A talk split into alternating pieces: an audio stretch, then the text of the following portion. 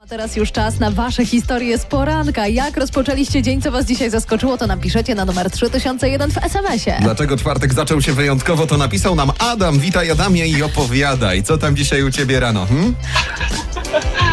No właściwie to się zaczęło już wczoraj wieczorem, ale dzisiaj to już dobiło mnie totalnie. Oho, Pokłóciłem się ze swoją narzeczoną, nie wypowiadając ani jednego słowa. Jakie to jest w ogóle piękne. Przepraszam Adam, że to mówię, ale No- nie wypowiedziałem żadnego słowa, a pokłóciłem się z dziewczyną.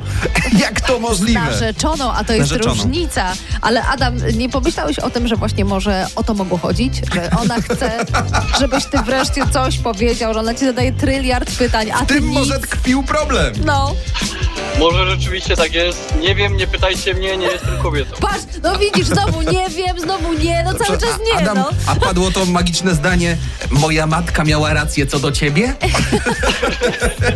To się mówi po ślubie. Nie, nie, na szczęście nie. No to Ja po- zaraz- pobiedy. mam teściową. To jeszcze nie jest tak źle. Jeśli mógłbym, to na antenie Radio RMF Max bardzo chciałbym ją.